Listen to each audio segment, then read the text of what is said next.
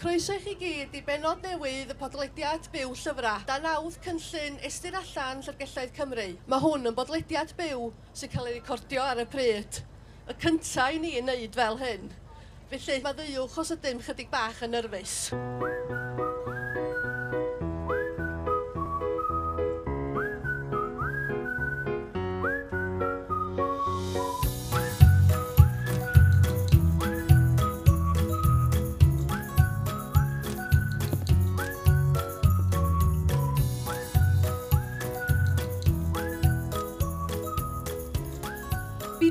Morgan. Dwi'n gweithio i wasanaeth Llyfrgell Gwynedd ac da ni wedi bod yn gwneud podlediad byw llyfrau ers rhyw flwyddyn dda rwan. Da ni gychwyn yn ystod y cyfnod clo.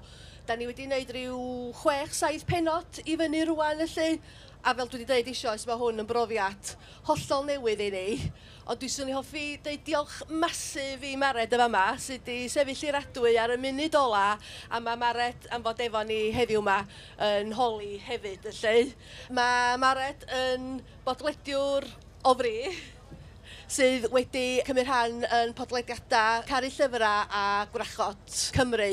A hefyd mae wedi cydweithio efo ni ar podlediad diweddar nath ni wneud efo Ysgol Dyffryn Ogwer, sef Plant Pesta. O, a diolch hefyd i Ale Jones y Pot am y cyfle i gael bod yma heddiw ac am gyflwyno y posibiliadau, podlediadau a hyfforddi rhywun mor ddi glem a fi ar yr ochr dechnegol o bethau. Ac, mm, di, dros o ddim ared.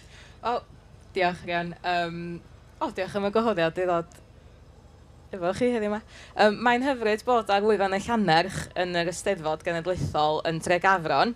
Um, mae wedi bod yn wsos wych hyd yma a llongorchiadau mawr iawn i uh, Meinir Pierce Jones yn illydd Gwobr Goffa Daniel Owen a Sioned Erin Hughes yn illydd y fedal ryddiaeth. A cofiwch, mi fydd y llyfrau yma ar gael i'w benthyg yn fuan iawn yn eich llyfrgell leol hefyd. A croeso mawr heddiw hefyd i Nia Griffith. Mae Nia yn rheolwr gwasanaeth y Gwynedd ac yn awdures y gyfres i blant maes y mes. Ac wrth gwrs, y mos i, so mae rhaid i mi fahafio heddiw yma da. Um, Wel, mae yna pa papurau yn fflio am bo man yma ar hyn o bryd, ond ond fel wedi sti gynnar hian, da ni yn fyw dyfan. Um, ia, croeso mawr ni a, a i ddechrau, um, sa chi'n gallu sôn chydig mwy wrthyn ni am chi hun a'ch cymdir? O, oh, oce. Okay. Um, gan cyffredin, dyd y gwir. Um, o gan o ardal Dyffryn Anlla dwi, um, ges i'n magu ar ffarm, ffarm fychan iawn, ffarm uh, um, godro oedd ei gwerthau godro, ond am llawer ohony, wrth ei ger y ffarm, o ffarm fach rhwng Grislon a Charmel. Um, ac mi, o'n i'n hogan reit, uh, ia, o'n i'n hogan ofnadwy eswyl, ofnadwy eswyl, ac o'n i licio bod yn y myd bach yn hyn, fwy ar amser. Um, ac atgofion braw, dweud y gwir o gael magu ar ffarm, achos atgof sgynnu fi o'n hun ydy crwydro'r cu ar ben yn hun, da. Um, rhyw Do'n ddim, be oedd yn mynd ymlaen yn ymhenni, ond rhyw greu rhyw, rhyw doedd bach i fi'n hun yn fanna, o'n i wrth y modd efo byd natur, wrth y modd fan faniliad, wrth y modd o bloda de, a, a licio gweld um, pa floda gwyllt o wedi dwad illa yn y cu ac tri anafod nhw. A rhyw, rhyw blintyndod fel ag es i, mynd ymlaen wedyn, wrth gwrs i, um, o, o ysgol Dyffryn Anlla i Brifysgol Bangor i wneud Cymraeg.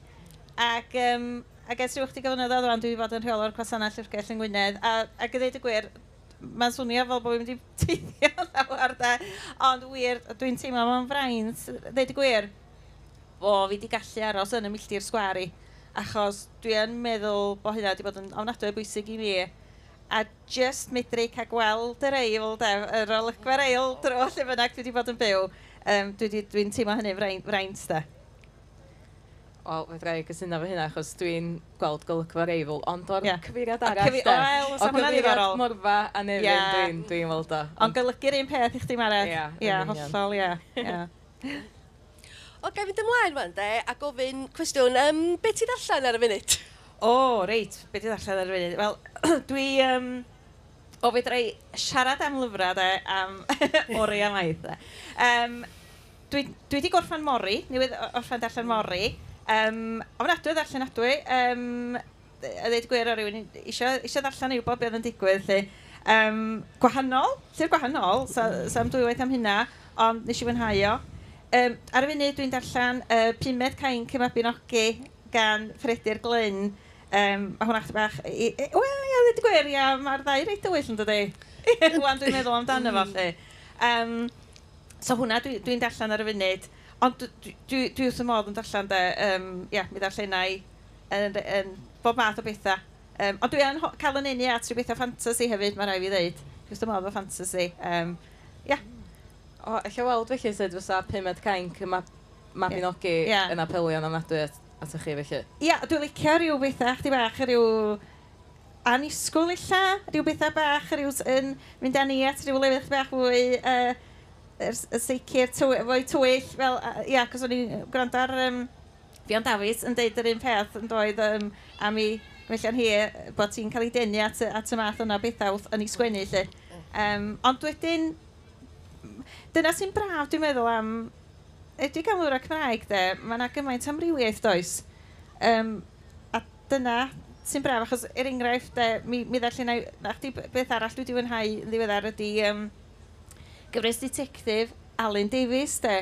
Ond e, eto, yna dwllwch yma na fe does. Ti'n bod, yr er detective Taliesin Maclifi, de.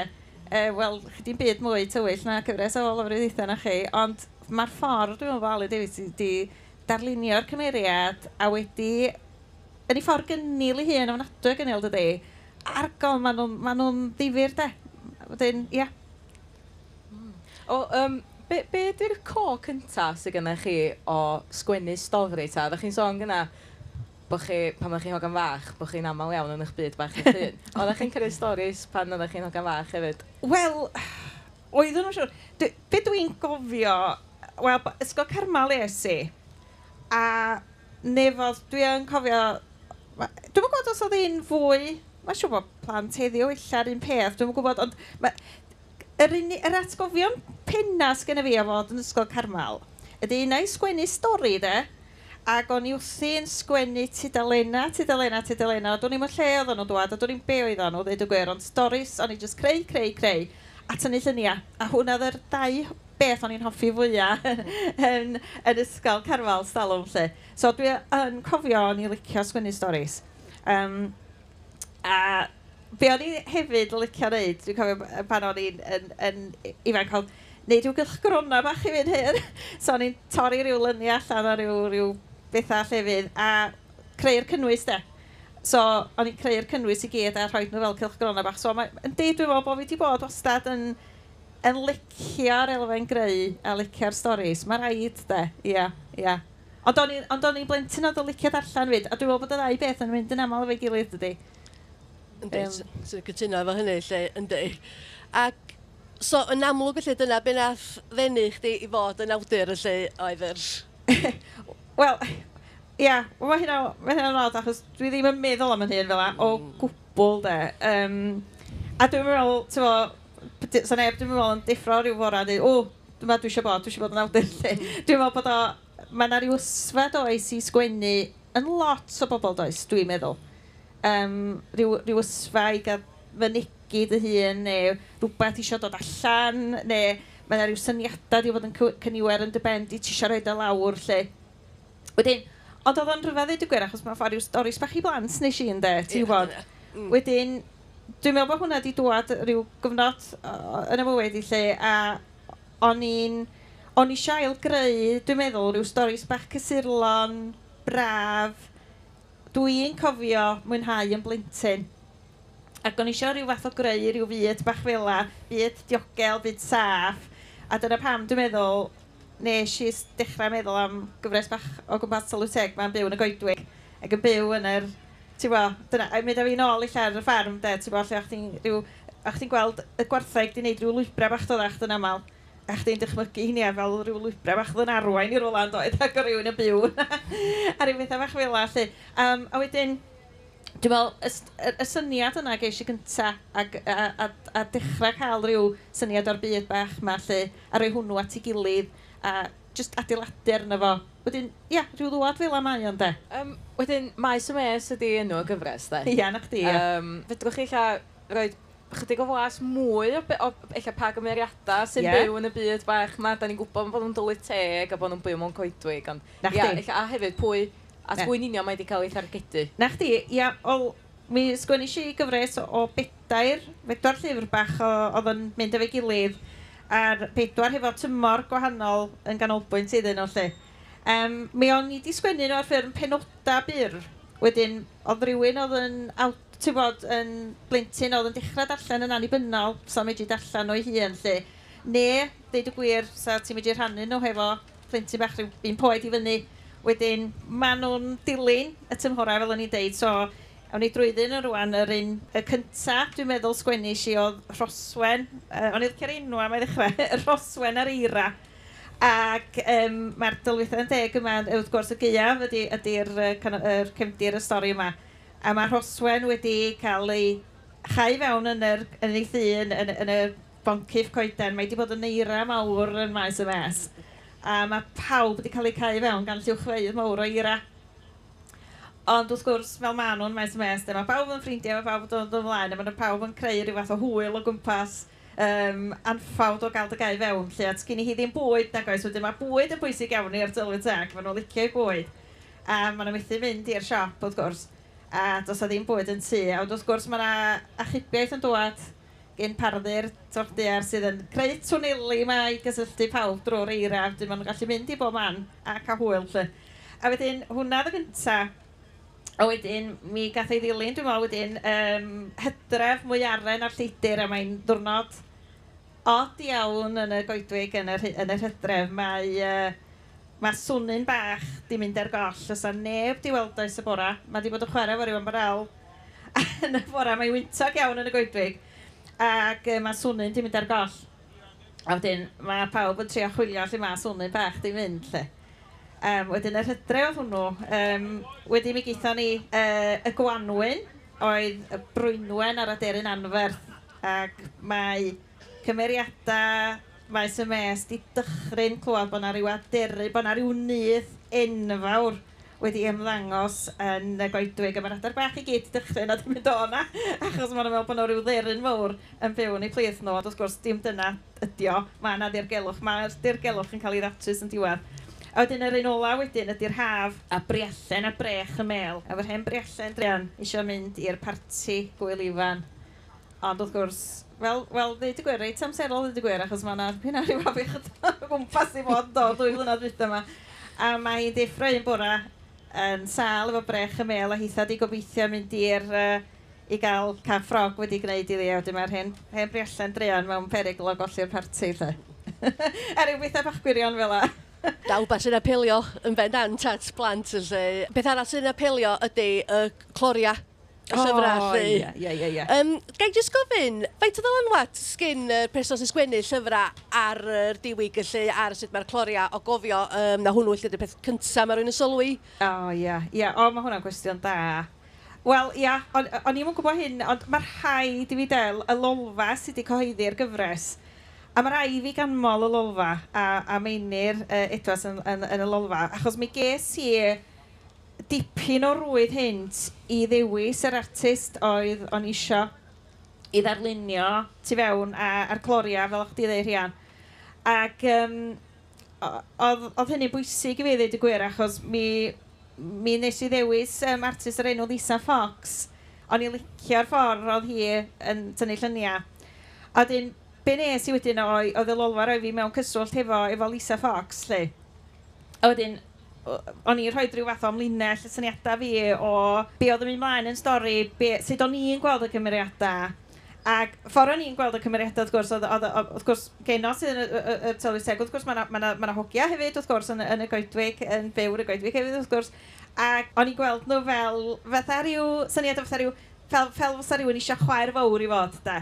Chwaer fawr, sa rhywun yn sbio i fyny yn nhw, yn ffasiynol, yn... Um, ia, ac yn digon o hyder a, ac yn medru gwneud pethau lle.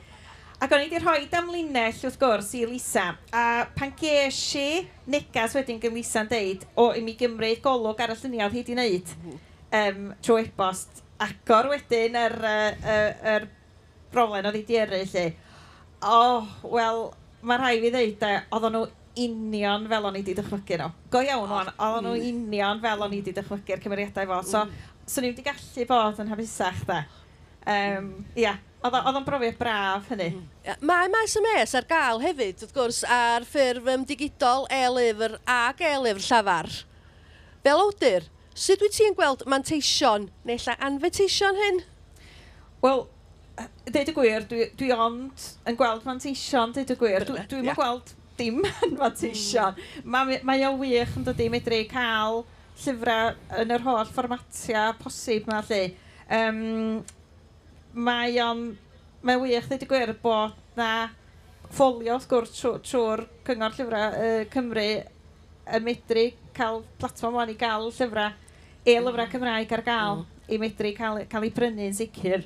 Um, da ni hefyd, wrth gwrs, yn dydan fel e-lyfrau llafar, mae ar gael fel e-lyfrau llafar, a dwi'n cofio mynd i fewn i'r stiwdio uh, Cymdeithas Deillian y Gogledd Cymru ym Mangor i mm. recordio yr, yr, yr, yr, y gyfres i gyd. A, a mae o'n wych ddweud y gwir achos mae'n mae o mor bwysig bod llyfrau Cymraeg ar gael yn holl fformatiau posib lle fel bod pobl yn medru cael wel, mynediad atyn nhw mewn ffordd mae pobl isio de. Wedyn, a dweud y gwir hefyd, wrth gwrs, be, be sy'n braf i ni, wrth gwrs, fel llyfrgelloedd, ydy bod ni medru darparu nhw hefyd yn dydy um, trwy'r platform y gyda ni trwy, trwy Borrow Box bod nhw'n medru bod ar gael i bobl fwynhau nhw lle. Um, wedyn, na, dos, dos na ddim anfanteision o gwbl i hynny.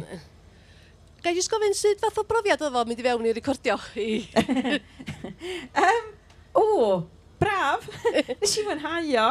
O'n i poeni, o'n i baclu dros yng ngeiriau, mae'n siw mod i di wneud. Ond, um, Nes i mwynhau o, cofia. Mm. Ia, oedd o'n... O'n i'n weld o'n reit ymlaciol. ond on maen nhw dda iawn yn fanna yn, yn, yn eich di deimlo reit braf, dwi'n meddwl. Ac oedd o'n... Ia, mm. oedd o'n brofiad gwahanol, ond nes i mwynhau o. Mm. Wyt ti'n darllen llyfrau ddigidol Meret? Na, ddim o gwbl. Um, dwi wedi... Dwi eisiau darllen cyfieithiad Manos y Ffaros o blasydd o Seasoning ar Kindle unwaith yeah. ar fy ngwyliau. A dwi, dwi rioed wedi darllen un byd arall. Dwi'n braidd yn hen ffasiwn fel la, dwi'n meddwl. Well, Ie, ond Cyfyd i, dwi'n dwi clywed lot o bobl yn dweud, ti'n bod, maen nhw'n um, maen nhw'n licio ei lyfr pan maen nhw'n ar ei wyliau, achos mae'n mae haws na cario allan sach o lyfrau efo chdi, dydy. Mm. So maen nhw'n mae nhw handi iawn mewn rhai sefyllfaoedd, ond dwi fatha chdi, Mared, dwi'n dwi, dwi, dwi licio llyfr de papur a troi'r tudalenna, mae'r rhai fi fod yn onest. Um, a peth arall, wrth gwrs, efo, efo tywed, darllen y digidol, mae'n rhaid i ni siŵr bod yr Ei lyfr di chargio. Dwi'n barod, mae llyfr yn barod i mm. fynd, dydy, mm. syth fynd. Mm. Dwi'n bod bod yna le ar ddau, does. Dyna, dio, mae'r ddau cyd fyw efo'i gilydd, dydy. Bindant, yndi, yndi. Yndi. Ond ti'n bod, a mynd hefyd at elu'r llawer, de, mae hynny'n boblogaidd o'n dydyn. Yndi. Um, clywed rhywun yn darllen stori yn ychal. Be, be mwy ymlaciol geidi na rhywun yn, yn darllen stori yn ychal fyd, da? Mae rhaid fi ddeud. Ti'n bod, yeah, mae'n handi teithio yn y car er enghraifft, jyst cael e-lyfr yn y cefndir y lle, mae hynna'n... Ie, ie, ie. Ie, mae o di mynd yn rhywbeth dipyn mwy ffasiynol anna, yn enedig, achos bod poblediadau wedi mynd mor boblogaidd hefyd. Hollol, ynddi, ynddi dwi'n teimlo bod o'n fwy o bobl yn menthu llyfrau wan drwy beth oedd borrow box, ond yeah. llyfrau, llyfrau llafar. Ia, yeah, pwysau meddwl yn de, mm. ti'n gwybod, mm. fysa hynny'n yn wir lle, ond na, a dwi o'n byd i wneud fo waith na dim fi chwaith na di, mae jyst pawb, fel ti ddeud, mae di dod o rhywbeth mae pobl yn, sydd yn dderbyniol i wneud, neu sydd yn braf i wneud. Neu lle mae pobl yn ail ddarganfod, sti, ti'n bod pan wyt ti'n yn ysgol, dwi'n cofio bod yn yr ysgol, a pan, ti'n bod, o'ch ti'n gael bob wsos, o'n ag slot doedd oedd yr athron neu athro yn darllen llyfrau yn ychal i chdi, a dyna'r amser, amser stori, ti'n bod, cael penod bob, bob wsos yn beth bynnag. Mm. Argol oedd o'n beth braf doedd, mm. ti'n bod, a dwi'n meddwl, dyba dyda ni fel oedolion yn ail darganfod y pleser yna. Mm. Ti'n bod? Yndi. Ie. Yndi, so nawn ni fynd, siarad chdi bach wan amdan llyfrgelloedd coeddus Cymru, lle. Ac uh, jes i gychwyn y sgwrs, da ni, mae gennym ni rhyw chydig o stadegau yn fama o'r 20 o awdurdodau lleol yng, Nghym yng Nghymru, 20 allan o'r 22 lle, uh, mae'r stadegau yma, bod yna 160 160,000 mil yeah. o lyfrau Cymraeg wedi'u benthyg yn ystod y flwyddyn 2021-2022. Di hynny'n syni chi ta di hynny'n... O'n i'm yn siŵr iawn faint i ddisgwyl i ddweud y gwir. Um, be, be yn athyn Dwi'n meddwl os nad yn syni fi, ond o'r ffigurau, ynddo, os dwi wedi um, craffu ar y ffigurau, wrth gwrs, di o ddim yn syndod bod rhan fwyaf o'r ffigurau yna'n yn lyfrau plant nac di? Na. Achos, ti'n gwybod, mae yna andros o lot o fenthyg llyfrau plant trwy lyfrgelloedd, a beth sy'n braf ydy bod yna lot o, o fenthyg llyfrau Cymraeg, wrth gwrs, da ni sôn o fan hyn, lle, yeah. a mae'n wych gweld hynny. Ond o'r ffigurau oedolion, oeddech chdi'n syni bod yr er, y ffigwr rhwng ffidlen a ffeithion yn hafal. O hynny'n syndod mawr yeah. yn lle, yn ti rioed feddwl sa hynny? Na. Na. O ie, na, dwi wedi syni fo hynny. Ie. Um, Achos, ti'n bod, os ti'n meddwl wan yn, yn pan da ni'n cymaru fo Saesneg, o ffidlen, ben anted i yeah. bewyth deg y cant mm. o benthygiadau ffidlen Saesneg yn den, ti'n bod, mm. o'r oedyn ffeithiol yn y wigen y cant. Ond yn Gymraeg, mae o'r batebig dydy ydy achos bod ni fel darllenwyr Cymraeg, just achos bod y, lyf y llyfr yn Cymraeg, yn Gymraeg lle, a newid gael ei gyhoeddi, da ni just yn fwy deddol o'i brynu fo. Na Saesneg, dwi'n yn gwybod. Ia, yeah, bod gen ti'r un pwys ar yr, ar y, ia, bo, ia, ar y llyfr, ar y ffaith bod o'n lyfr Cymraeg. Lle, ia, lle. Bosib, de. Um, ia, ma, ia, ac eto ti'n meddwl hefyd, wrth gwrs, mae'n ffeithiol, mae'n siŵr bod gen ti dipyn o gofiannau Dydy'n cael ei benthyg? Ie. O'n i'n meddwl am cofianna hefyd, yeah. felly mae hynna reswm um, bod, bod y cofianna am fobl bobl eisiau glwad am i hanes nhw lle. Hanes lleol. Oh, hanes lleol, da. Mae hanes lleol yn andros o boblogaidd. O, oh, dwi'n cytuno. A, mm. a hanes Cymru, de, nath hwnna sefyll allan i fi, yn enwedig o fawr plant, mor bwysig ydy cael llyfrau am yn hanes ni am yeah. pobl yn yn hanes mm. neu ac am hanes Cymru achos mae yna awch amdano fo, ti'n meddwl, A dwi'n meddwl, ma, mm. ma hwnna'n yn dod drwad hefyd yn y ffigurau hefyd yn dydy bod na andros mm. lot o lyfr y plant yn cael ei benthyg am hanes Cymru. Da. Mm. Ond be hefyd, nath, um, oedd yn, wel, oedd yn galonogol i weld i ddweud y gwir oedd, ac yn rhif un oedd um, llyfr y rhan o gyfres amdani, sef y cyfres i, i ddysgwyr. Mm. So, ynddi, mae hynna'n. Mae'n dangos pa mor bwysig ydy llyfr gelloedd a gyfer dysgwyr neu fel, fel mm. da ni wedi uh, ddeud wrth yma siaradwyr Cymraeg newydd. Yeah. A ddweud gwir, o'n i'n gweithio'n Llyfrgell Nefyn, fel mae'r ddwy'n eich chi'n mm. gwybod. A um, mi o'na gylch darllen i ddysgwyr yn cael ei arwain mm. gan nesyll milwr. A, yeah. a maen nhw rwan wedi um, cydweithio a, a, do, wedi, do. a wedi yeah. uh, creu cyfrol o straeon byrion efo, efo mewnbwn y mm. dysgwyr. Do, felly mae o'n wych a maen nhw wedi gallu gwneud hynny oherwydd bod nhw wedi cael y gofod yna mewn llyfrgell i, i gyfarfod. Mm. De, felly mae, mae o'n mor bwysig. Yndi, uh, dwi'n dwi, dwi cytuno. Um, a mae'r mae gyfres amdani ddechrau di bod mor boblogaidd, ond on, dwi'n meddwl, mae llyfrgellau, mae gen ti gymaint o rwydwaith o llyfrgellau drwy Gymru fyd yn does. A ti'n gwybod, a fanna ti'n mynd i weld dy, beth sydd ar gael a dyna lle ti hefyd yn mynd i gael dy arwain at y llyfrau fyd yn de, achos mae gen ti bobl sydd yn mynd i sôn, da chi wedi gweld hwn, mae hwn yma, um, de, de, mae e fwy na jyst, ti'n bod, casgad y lyfrau, mae yna bobl yn fanna sydd yn mynd i dod i nabo chdi, nabod beth ti'n licio ddarllan, gwybod beth ti'n chwilio amdano fo illa, neu ddim yn chwilio amdano fo, ond ti'n bod, yn dydi? Um, a ti'n iawn o fanna? Yndi, ac o'n i falch o weld hefyd, um, fel dwi wrth y modd efo llyfrau detectif yn Gymraeg neu Saesneg, felly, mm, a bod mm. um, cyfres John Elwyn Griffiths wedi dod yn reit uchel hefyd, felly. Yeah. Ac, um, ia, dwi'n meddwl mi, um, mi fysa cyfres fel yna yn ideal ar gyfer cyfres teledu. Bysa, dwi'n mynd syni o gwbl bod hwnna'n mm. uh, wedi yeah. dod i'r deg uchad a'r rian, achos bob tro i gynnu fo lyfr newydd yn dod allan oedd yr un cwsmeriad yn dod fewn yn gofyn ydych chi'n ar hwnna na fi ymlaen llaw a bob tro yn ddi ffail de, oh, maen nhw mor boblogaidd. Yndi. Mae yna following does dyna. Oes, oes. A ti'n bod, sa ti'n meddwl anda, chdi gyflynyddoedd yn ôl pwys am meddwl fysa gen ti dawduron detective yn Gymraeg yeah, cos o rywun yn addasu gymaint yn doedd o blaen mm. eistalo mae rwan ti'n meithrin awduron. Ond fel ti ddeud ydy be, be, be ti eisiau di mae ma angen yr dilyniant na mae pobl yn licio'r cyfresu, dydy? A gael chwilio allan am yr mm-hmm. rhagor am fwy, lle am yr diwedd ara. Mm-hmm. Dyna sy'n mor bwysig wedi buddsoddi'n dawduron i medru cael yr, yr amser a gofod i ddatblygu fel fel sgwenwyr trosedd neu fel sgwenwyr... Ynde, ti'n gwybod? Ond na, mae, mae wych weld.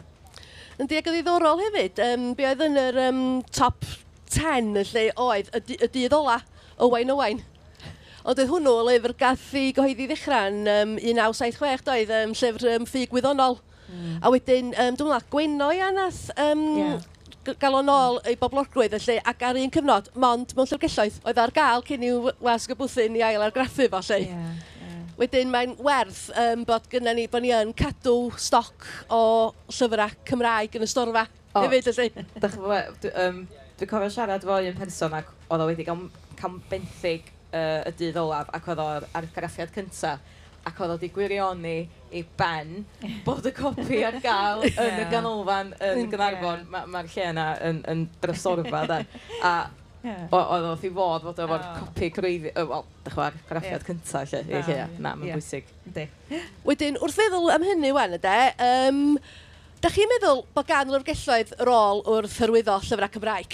Oh, mm, ia. Wel, dwi'n meddwl. Fel Pennau llyfrgelloedd. Wel, wrth gwrs, fyswn i ddim yn deud bod nhw ddim yn da. O, ben dant. Ti'n bod, fel dwi'n dweud, dwi'n ffodus, um, to gweithio yng Ngwynedd, os, os nad ti'n medru hyrwyddo llyfrau Cymraeg yng Ngwynedd, lle fedri di hyrwyddo nhw'n da i hmm. ddechrau. Ond na, mae mor bwysig cael pobl sydd, dwi'n meddwl fel o'n i sôn o blaen, bobl sy'n ymwybodol illa ac o'r llyfrau sy'n dod allan ac yn medru argymell llyfrau. Mae lot o llyfrau, ti'n ti dod o darllenwyr, ti'n ti darllen llyfrau achos bod rhywun wedi argymell eich chdi. a ne mae rhywun wedi deud, o, mae hwn yn dda, os ta ti'n licio hwn, lle. A, a ti'n rhoi fwy o stoc dwyt ar, ar, rhywbeth, ar argymhelliad fel yna, mm. ac yn cael darwain i'r allan hynny, so mae hynna'n bwysig, dwi'n meddwl, yr, yr elfen bersonol na o, o, o, o, o argymell llyfrau, lle, ond na, mae o mor, mor bwysig. A ti'n bo, darllen, fel da ni wedi dweud o blaen, da, da ni wedi trafod hyn o blaen yn do, yr, y bobl fel arfer hefyd y darllenwyr sydd yn prynu llyfrau, sydd hefyd yn benthyg llyfrau, wedyn mae'r ddau, mm. ti'n bod beth yn mynd law yn llaw yn aml yn dydy. Ydy, mae wedi profi dydy bod o'n plethu o gilydd, ydy, os ydy rhywun yn benffig o llyfrgell, maen nhw'n fwy tebygol o brynu Ia. llyfrau hefyd, felly. Yn union yn de, hollol, hollol. A wedyn, um, llyfrau plant, um, mae'n amlwg, mae'n afrealistig i riant mm. brynu pob teitl newydd sy'n mynd i ddod allan, dydy. Achos mae llyfrau plant, da chi yn mynd i ddarllen nhw mewn yeah. 5 munud.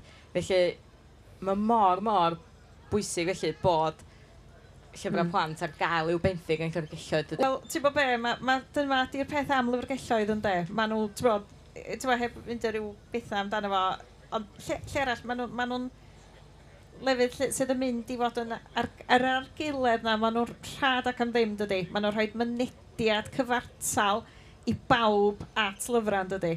Um, a dyna un o'r pethau dwi'n dwi meddwl sydd wedi denu fi fod yn llyfrgellydd ar syniad na o'r o'r syniad yma bod, bod, bod y disg a bod y gwybodaeth a bod llythrau, ti'n bod llyfrau yma i gyd ar gael yn hollol ddiwahan ia, i bawb, de, bod gen bawb hawl iddyn nhw.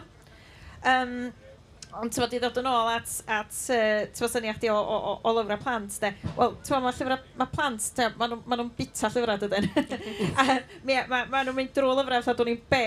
Ac does am byd gwell gen i fi weld beth bynnag ti'n mynd uh, cerdded drwy, ti'n bod, fatha, dwi'n gweithio'n, ti'n bod, swyddfa yn Llyfrgell Gynarfon, ti'n cerdded lawr drwy'r Llyfrgell, a wna diluoedd yna, a plant yn mynd rhedag at y llyfrau ac yn mwynhau dewis i llyfrau hynna yn i fynd adra hefo nhw, a mae'n rhywbeth special, de.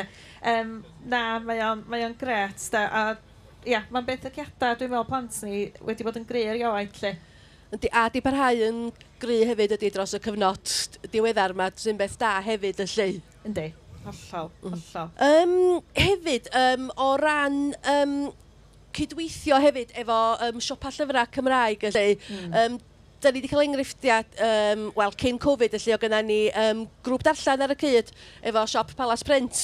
Yeah. A dwi'n mwyn hwnnw weithio yn reit dda, lle. Yeah. Um, a gobaith ydy wrth gwrs ydy ailgychwyn pethau fel hyn yn fuan iawn. A dwi'n meddwl ma yna berthynas dda does rhwng llyfrgelloedd mm. a hmm. siopa llyfrau Cymraeg. O, oh, bendant. Yeah, yeah. Dwi'n meddwl fod o'n bwysig hefyd cael perthynas efo mentra cym, uh, cymunedol hefyd. De. Um, o ran, mae'r gwasanaeth yna i gael ei ddefnyddio, felly ddylsa bobl ddefnyddio fo ym mhob ffordd maen nhw'n gallu. A, a mae'n wych, de, mae pobl, pan pobl yn mynd efo'r llwrgell am y tro cyntaf, maen nhw'n mm. synnu, uh, wel, bod nhw'n cael benthu cymaint o lyfrau yn un peth, yeah. a, a hefyd, wel, does na ddim dirwyon i mwy chwaith, nag oes? Na, Am pobl syni, da. A dwi'n meddwl bod hynna'n wych y beth, bod bod Llyfrgelloedd mm. Gwynedd wedi, wedi neud hynny, achos mm. mae jyst yn neud o hyn hynod fwy cynhwysol wedyn mm. i bobl Dyna... menthyg llyfrau. Mm. Ie, yeah. cytuno fo chdi. Mm. Um, di, mae'r ffaith bod yna ddim dirwyon yn, yn, yn, dwi'n meddwl ydi torri'r bosib yr rhwystyr ola, dwi'n gobeithio, i bobl medru mm. benthyg heb deimlo uh, yn lletwyth am, ti'n bod, fydd yna ffeins Italia ac yn y blaen. Nac, oes, dos dim. o gwbl yma yng Ngwynedd, dim mwy. Mm. Yeah. Ia, a dwi'n meddwl, ar y nodyn yna, yr unig beth sydd gennym ni i ddeud ydy i bawb dewch i fewn i llyfrgell leol, dewch i fewn i weld um, beth sydd gennym ni gynig ac um, fyddwn ni'n edrych ymlaen i'ch gweld. Ac gai jyst dweud diolch yn fawr iawn i Nia ac i Maret am, y bore yma. Ac um, hefyd, coffwn i ddiolch i Gynllun Estyn Allan a Chymdeithas Prif Rwyrgellwydd Cymru am y cyfle i gynnal y sgwrs ac diolch i chi am wrando. Ac um, cofiwch edrych allan am ein penad nesaf o Byw Llyfrau.